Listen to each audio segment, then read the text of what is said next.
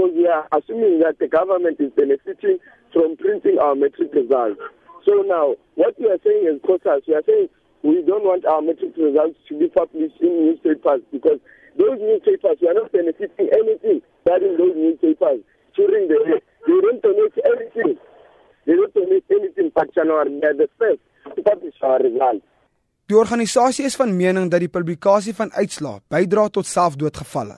We have made it clear for more than 3 years. We have made it clear that as COSAS we saying no to publication uh, matric results. So if only they keep on pushing it, continue to publish our matric results, then it comes to a point that we must fight fire with fire.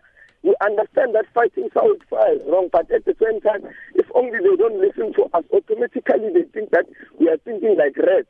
Because we are very clear. The population of people who are killing is high. Die woordvoerder van Kossas, Masithembe Makwaga, het vroeër gesê hulle dreigemente moet nie letterlik opgeneem word nie.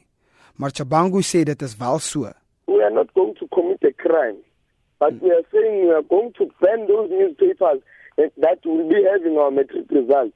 And the other thing is that we are going to ban everything that will not make us benefit as a nation.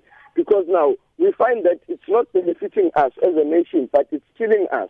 Remember, our generational Sharon call is academic excellence. You see, so now if only we're going to be uh, taken back by this white monopoly capital, will continue publishing our matric results and gaining and benefiting each every then it's going to be a crisis.